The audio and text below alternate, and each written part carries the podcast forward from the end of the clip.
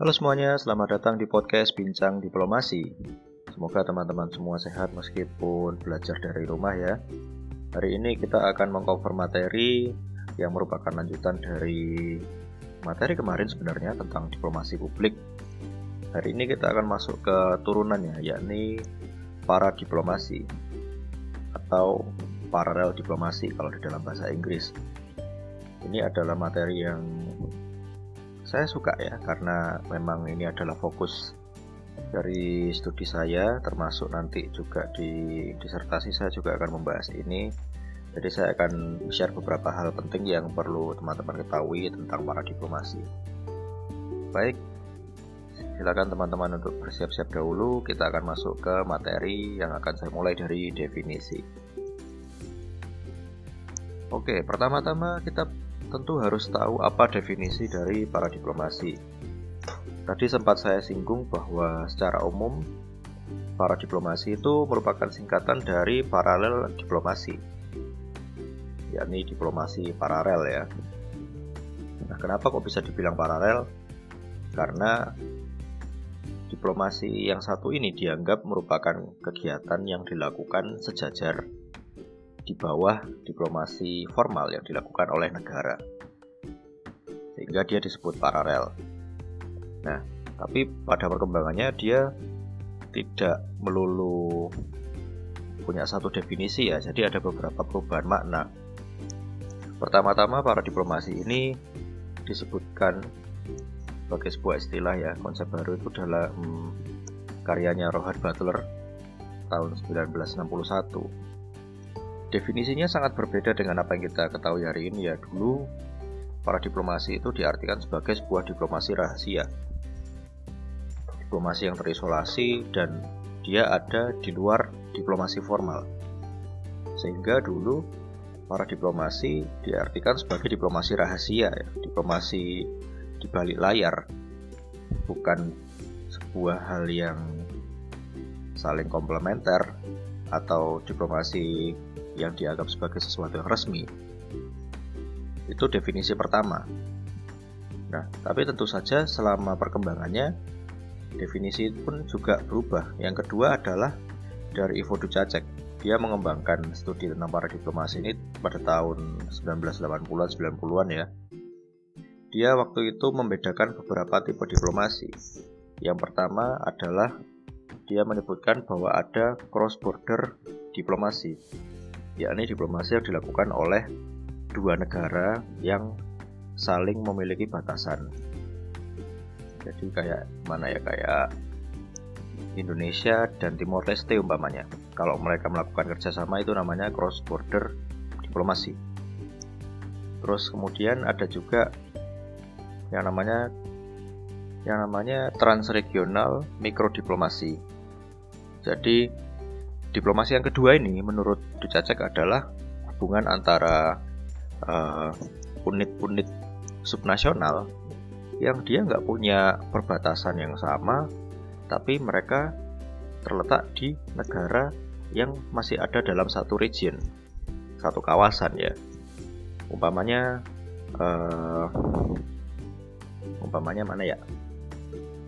Tapi misalnya gini nih, uh, kota Surabaya punya kerjasama dengan kota Shah Alam yang ada di Malaysia. Nah, mereka berdua ini mungkin nggak berbatasan, tapi karena negaranya berbatasan, jadi mereka bisa disebut sebagai transregional mikrodiplomasi. Nah, bedanya seperti apa sih kalau sama yang pertama? Kalau yang pertama tadi uh, unit-unitnya berbatasan. Kalau yang kedua ini nggak berbatasan. Saya kasih contoh yang pertama tadi itu misalnya uh, dua kota yang saling berdekatan di perbatasan antara Meksiko dan Amerika Serikat. Atau misalnya kalau misalnya kota-kota di Dili sama Atambua itu saling berhubungan. Itu kan satu ETT satu Timor Leste. Nah itu adalah cross border uh, mikrodiplomasi nah kemudian yang ketiga ada satu lagi nih yang akhirnya memunculkan konsep para diplomasi yakni namanya global para diplomasi. Global para diplomasi ini kalau menurut Ibu Cacek adalah hubungan antara unit-unit subnasional yang nggak berbatasan negara juga nggak berbatasan wilayah gitu dan mereka pun tidak ada di dalam satu kawasan yang sama nah fenomena ini menunjukkan bahwa uh, bisa kok ternyata region-region kota-kota itu melakukan kolaborasi meskipun mereka nggak berbatasan meskipun negara mereka nggak berbatasan meskipun kota mereka nggak saling berbatasan itu bisa kok itu adalah definisi kedua dari para diplomasi yang berkembang saat ini. Nah, tentu saja ini disempurnakan lagi. Sehingga definisi yang kita kenal saat ini ya adalah tentang kebijakan luar negeri yang dilakukan oleh pemerintah non pusat. Jadi lebih umum ya. Kalau tadi dikhususkan dipisah-pisah sekarang jadi satu yakni yang dicetuskan oleh Aldeco dan Keating tahun 1999 intinya adalah selama itu dilakukan oleh pemerintah non pusat dan itu merupakan kebijakan luar negeri dia masuk ke para diplomasi Oke, selanjutnya tentu saja kita harus tahu apa sih penyebabnya. Kenapa kok kita tiba-tiba ada para diplomasi? Kenapa nggak diplomasi yang level negara aja? Apa nggak cukup? Nah, ada beberapa penyebab. Yang pertama, kita bisa melihat penyebabnya ini dari globalisasi. Ya, kita bisa menggunakan globalisasi sebagai faktor penjelas ya. Bahwa globalisasi itu sudah memunculkan aktor-aktor baru. Nggak hanya negara nih yang bisa main.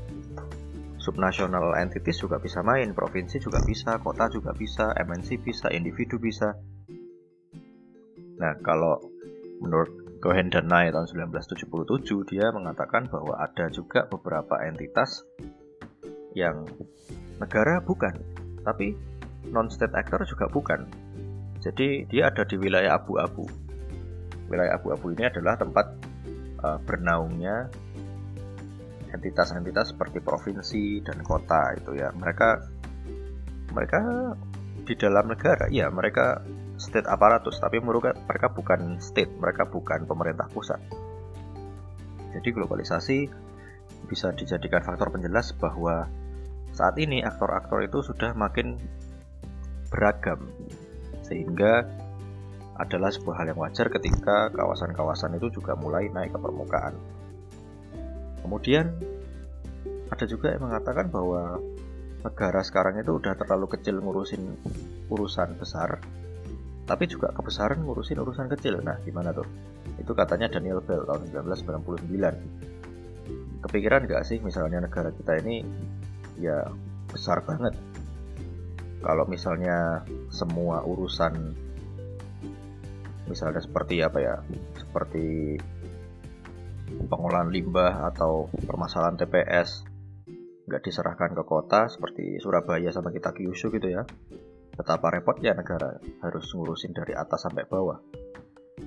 Nah, negara dianggap sudah over capacity itu, tapi di sisi lain dia juga terlalu kecil untuk ngurusin urusan besar. Dia juga under capacity dalam waktu yang sama. Nah, ini semacam kondisi yang uh, paradoksial ya, kondisi yang cukup kontradiktif. Tapi menurut Daniel Bell argumennya seperti itu, sehingga negara sekarang juga harus bisa melimpahkan sebagian kekuatannya, sebagian kekuasaannya kepada wilayah yang ada di bawahnya supaya pengambilan kebijakan itu bisa lebih demokratis, bisa lebih akurat. Karena kota itu kan atau provinsi itu kan wilayah yang istilahnya selangkah atau setingkat lebih dekat ya dengan warga. Jadi mereka bisa mengagregasi opini, bisa mengumpulkan kepentingan-kepentingan masyarakat dengan lebih baik. Ya, kemudian ada juga hidden. Hidden sama-sama masih percaya dengan globalisasi ya, tapi dia mengembangkan konsep lain yakni tentang tiga kekuatan globalisasi. Dia mengatakan bahwa globalisasi itu mendorong ke atas. Yang dimaksud dengan mendorong ke atas adalah uh, dia semacam menarik ya, menarik isu-isu lokal menjadi isu-isu global.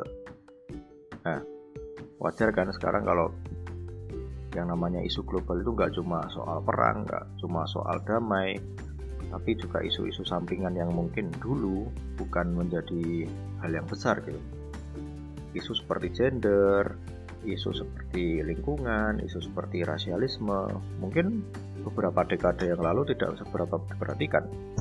Tapi karena adanya globalisasi, adanya keterhubungan antara satu negara dan yang lain, satu komunitas masyarakat yang satu dan yang lain, akhirnya isu-isu lokal itu naik menjadi isu-isu global. Nah, itulah yang kemudian kita sebut sebagai uh, intermestic ya, international and domestic.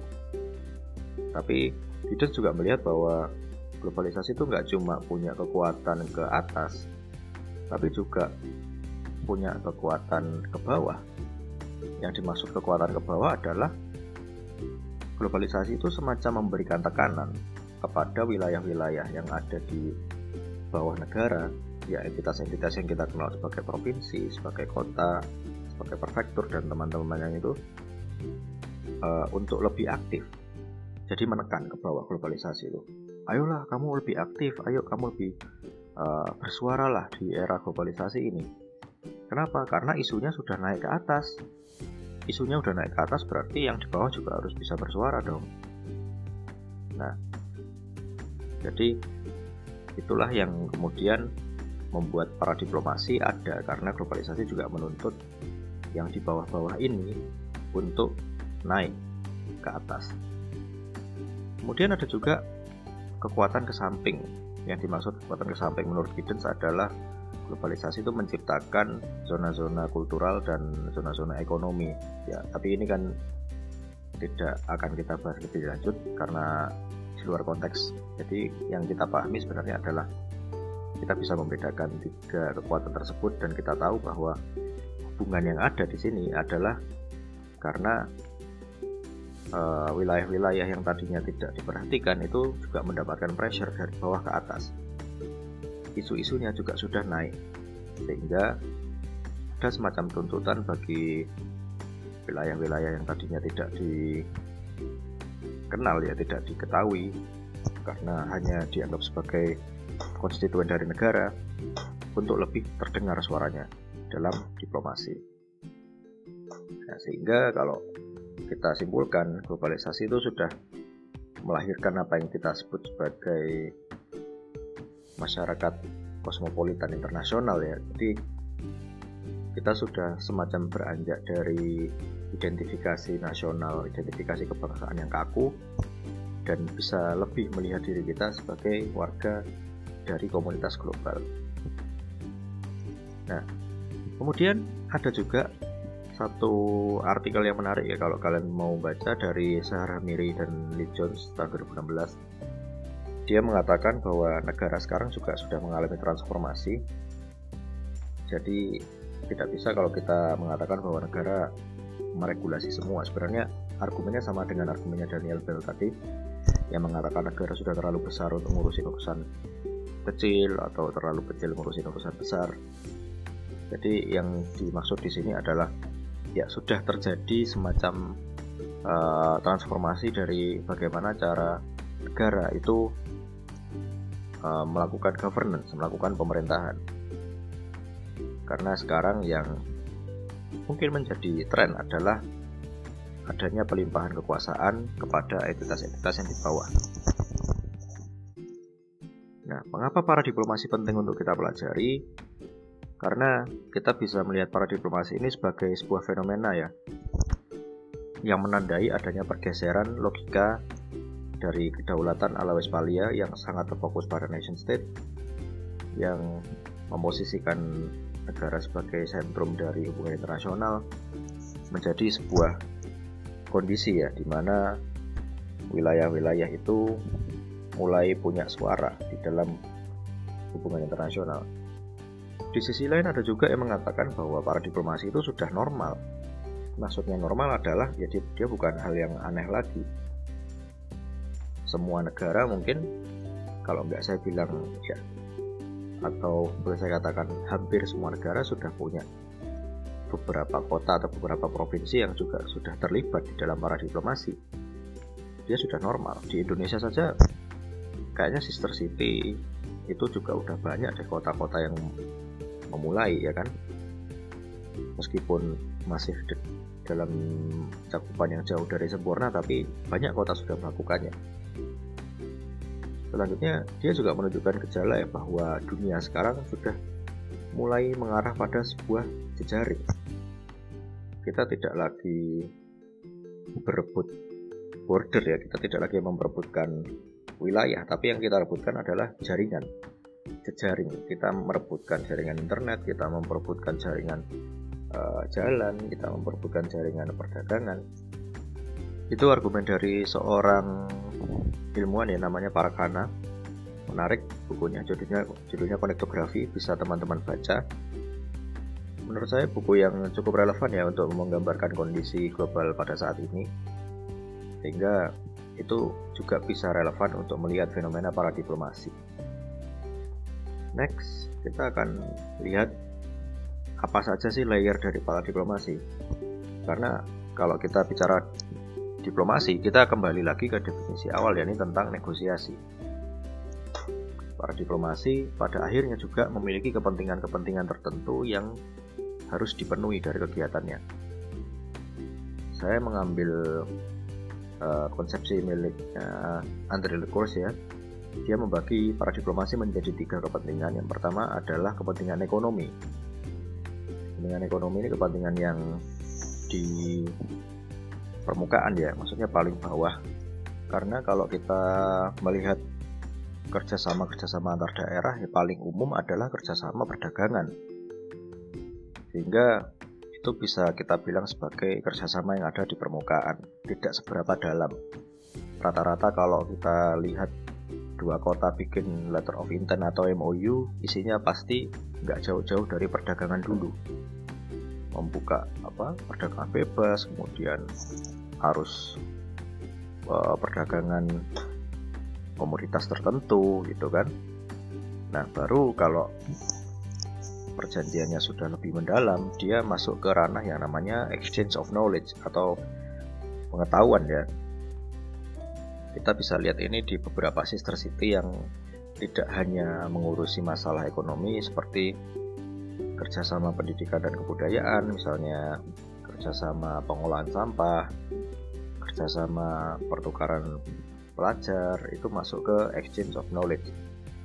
Jadi para diplomasi tidak hanya difungsikan sebagai nyari profit, tapi juga untuk nyari uh, pengetahuan tambahan, nilai tambah dari adanya kerjasama tertentu. Kita lihat ini kayak Surabaya sama Busan ya, bikin pertukaran pelajar tiap tahun. Surabaya sama kita Kyushu bikin kerjasama pengolahan sampah. Terus beberapa daerah lain ya seperti Yogyakarta dan Osaka kalau nggak kalau nggak salah mereka juga punya program kebudayaan ada festival-festival gitu itu masuk ke pengetahuan masuk ke exchange of knowledge di uh, kepentingan layer kedua. Tapi apakah itu yang paling penting? Bukan. Ada lagi para diplomasi yang fokusnya itu lebih mendalam lagi. Jadi nggak semua daerah bisa melakukan para diplomasi level ini karena dia umumnya adalah diplomasi yang dilakukan untuk uh, menyalurkan menyalurkan identitas tertentu maksudnya adalah untuk menegaskan identitas mereka sebagai wilayah yang berbeda dari negara induknya. Jadi para diplomasi yang paling atas, para diplomasi politik ya namanya, dia menunjukkan bahwa uh, kegiatan para diplomasi yang dilakukannya adalah para diplomasi untuk menunjukkan bahwa dia adalah kawasan yang merdeka atau kawasan yang sudah siap untuk menjadi negara sendiri sehingga fungsinya itu adalah ya sebagai alternatif dari separatisme kalau saya boleh katakan. Dia seperti para diplomasinya Catalonia di Spanyol para diplomasinya Quebec di Kanada para diplomasinya Flanders di Belgia. Semuanya memiliki dimensi yang sama yakni ingin menunjukkan bahwa mereka adalah wilayah yang berdaulat Secara identitas, mereka punya identitas yang unik dan berbeda dari negara induk mereka. Catalonia, mereka mengklaim punya budaya, punya bahasa yang berbeda dari mayoritas negara Spanyol. Quebec pun demikian, mereka bertutur bahasa Perancis dan mereka merasa identitas mereka sangat berbeda dari identitas Kanada secara umum yang merupakan anglofonik ya. Kemudian Flanders juga, Flanders itu mereka punya budaya sendiri. Mereka jadi di Belgia ya, di Belgia itu ada dua wilayah utama yakni Flanders dan Wallonia. Flanders itu penutur bahasa Belanda, Wallonia itu penutur bahasa Perancis. Jadi dari sononya sebenarnya Belgia itu juga sudah terpecah belah ya. Dan Flanders ini melakukan para diplomasi untuk menunjukkan bahwa mereka punya identitas yang sangat berbeda dari tetangganya, yakni Wallonia. Itu tiga layer yang dicetuskan oleh Andre Lecours untuk kita membedakan apa saja contoh-contoh para diplomasi yang mungkin muncul dalam beberapa studi kasus. Nanti kalian bisa mencari studi kasus kalian masing-masing ya untuk menentukan ini masuk ke politik, masuk ke exchange of knowledge atau masuk ke sekedar ekonomi. Nah, mungkin sebagian dari kalian juga sudah bertanya-tanya ya, apa sih kaitannya para diplomasi sama diplomasi publik? Katanya kemarin para diplomasi itu turunannya diplomasi publik. Benar nggak? Ya, saya bisa katakan ya, karena para diplomasi dia menempatkan proses negosiasi untuk lebih dekat dengan publik sempat saya singgung ya di awal bahwa negara kalau dalam para diplomasi dia memberikan kesempatan pada daerahnya untuk memenuhi kebutuhan masing-masing. Di Indonesia kita punya otonomi daerah ya, otonomi daerah dan beberapa kota, beberapa provinsi pun juga sudah punya wewenang untuk melakukan kerjasama di luar. Meskipun dibatasi dalam beberapa hal seperti fiskal, keamanan, agama, terus ya pertahanan itu tidak tidak boleh dilangkai. Tapi di luar itu, kota-kota di Indonesia boleh melakukan apa aja. Mau bikin kerjasama di bidang pendidikan, kesehatan, terserah. Nah, kemudian para diplomasi kan dia menempatkan unit-unit subnasional sebagai agen yang aktif dalam hubungan internasional. Ini masuk ke diplomasi publik yang baru. Jadi targetnya itu tidak hanya pasif, tapi mereka juga punya agensi, mereka punya kesadaran sebagai unit-unit yang aktif. Dalam hal ini siapa unit yang aktif? Ya pemerintah subnasional itu tadi. Ada tiga posisi teoritis kalau saya boleh simpulkan ya dalam uh, studi dalam studi para diplomasi atau paling tidak ada tiga saat ini. Pertama adalah realisme. Dia mengatakan para diplomasi itu nggak menunjukkan hilangnya relevansi negara. Namanya sistem internasional yang masih tetap state-centric menurut mereka. Daerah itu cuma perpanjangan tangan negara, sehingga kalau menurut orang realis, para diplomasi itu ya nggak lain hanya sebuah instrumen bagi negara untuk me mewujudkan kepentingannya. Sementara itu, liberalis nggak setuju. Dia bilang para diplomasi itu ya awalnya dari globalisasi. Kalau bicara soal globalisasi, berarti aktor-aktor baru yang muncul. Aktor-aktor baru yang muncul tujuannya apa? Untuk mengambil kesempatan untuk meningkatkan profit mereka di dalam rezim perdagangan bebas yang sudah ada saat ini. Orang liberalis bilang para diplomasi itu respons terhadap globalisasi, responsnya apa? Ya mereka membuka perdagangan bebas. Mereka meningkatkan uh, jejaring antar daerah supaya bisa meningkatkan supaya bisa saling berbagi keuntungan dalam globalisasi. Satu poin lain yang bisa saya angkat adalah dari teori konstruktivis. Dia bilang kalau konstruktivis para diplomasi itu adalah proses pencarian identitas. Dia nggak cuma respon terhadap globalisasi dia juga nggak hanya respon terhadap pasar bebas. Para diplomasi kalau menurut konstruktivis itu adalah kesempatan bagi daerah-daerah yang tadinya nggak didengar yang tadinya uh, minoritas ya yang tadinya itu tidak punya suara untuk menunjukkan untuk mengirimkan sinyal bahwa mereka itu adalah wilayah yang berdaulat. Jadi dari para diplomasi mereka bisa mengkonstruksi identitas mereka. Mereka bisa menunjukkan ini loh saya merdeka. Saya loh berbeda dari negara induk saya. Saya bisa kok melakukan diplomasi sendiri tanpa harus ikut diplomasinya pusat. Itu posisi teoritis yang dianut oleh konstruktivisme. Dia melihat beberapa perbedaan yang ada dalam para diplomasi para diplomasi. Nggak bisa kita setarakan nggak bisa kita anggap seragam oke kita lihat studi kasus ya. Studi kasus yang saya suka adalah uh, ya biasanya yang dari level politik ya karena di sana ada banyak kepentingan yang bermain. Ada juga uh, dimensi identitasnya sehingga kalau saya teliti bisa pakai konstruktivisme kita bisa lihat dalam studi kasusnya Tatarstan. Jadi dia adalah salah satu wilayah yang ada di Rusia dia adalah republik. Kalau kita belajar soal Rusia republik itu mungkin setara dengan provinsi ya meskipun secara otonomi mereka juga lebih tinggi karena uh, pada dasarnya republik ini diciptakan didirikan karena mereka punya populasi apa ya populasi asli selain warga beretnis Rusia yang mereka juga memiliki porsi yang signifikan sehingga pemerintah Rusia membagi wilayah-wilayah tersebut agar bisa mewakili uh, entitas etnik yang ada di republik tersebut. Kalau Tatarstan ya, dia mayoritas orang-orang Tatar jelas. Nah, makanya namanya Tatarstan. Selain Tatarstan juga ada wilayah-wilayah lain ya kayak Tuva, Altai, ada Udmur. Semuanya itu dihuni oleh bangsa-bangsa etnis-etnis yang berbeda.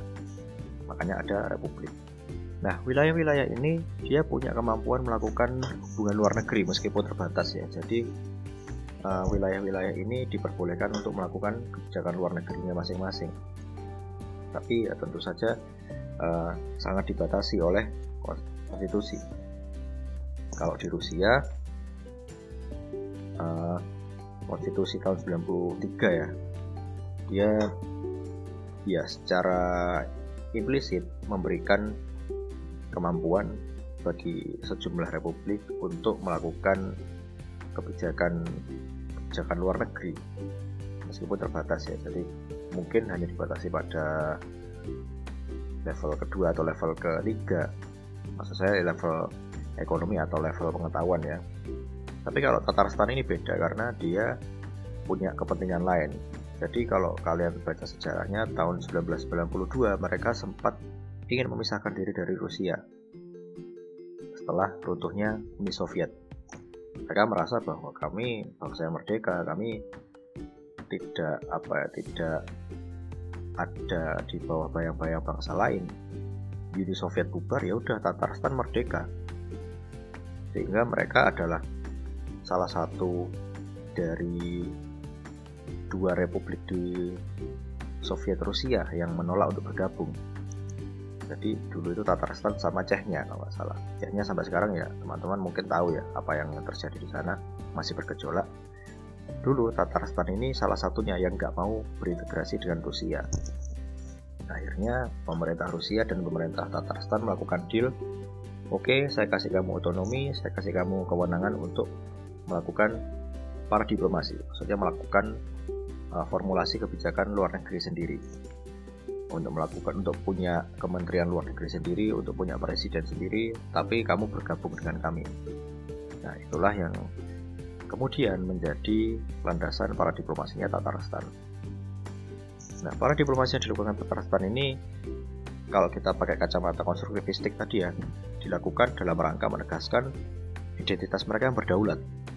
Jadi ini semacam jalan tengah ya, semacam jalan tengah bahwa uh, Tatarstan tetap ada di Rusia tapi ya sudah deal-dealannya adalah kamu ikut uh, Rusia tapi kamu saya kasih otonomi untuk lakukan kebijakan luar negeri. Kalian bisa baca bahwa Tatarstan ini punya kementerian luar negeri punya presiden dan mereka juga punya otonomi-otonomi lainnya seperti punya bahasa sendiri dan punya konstitusi sendiri.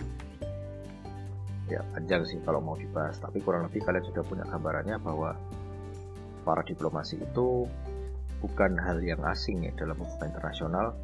Bukan sesuatu yang untuk diabaikan, tapi merupakan uh, topik kajian yang menarik dan sudah mendapatkan perhatian lebih dalam beberapa dekade belakangan karena adanya globalisasi dan adanya uh, perubahan ya adanya isu-isu yang tadinya ditaruh di pinggiran kemudian menjadi isu-isu yang menarik. Nah, oleh karena itu mempelajari para diplomasi sebenarnya adalah alat yang oke okay untuk kalian untuk menggali lebih dalam bagaimana peran daerah-daerah di dalam globalisasi.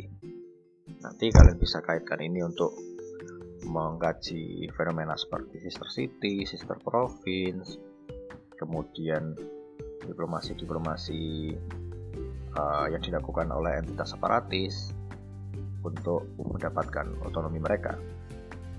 Oke, sekian pemaparan dari saya. Semoga bermanfaat. Dan kalau ada pertanyaan, silakan diajukan. Baik, selamat belajar.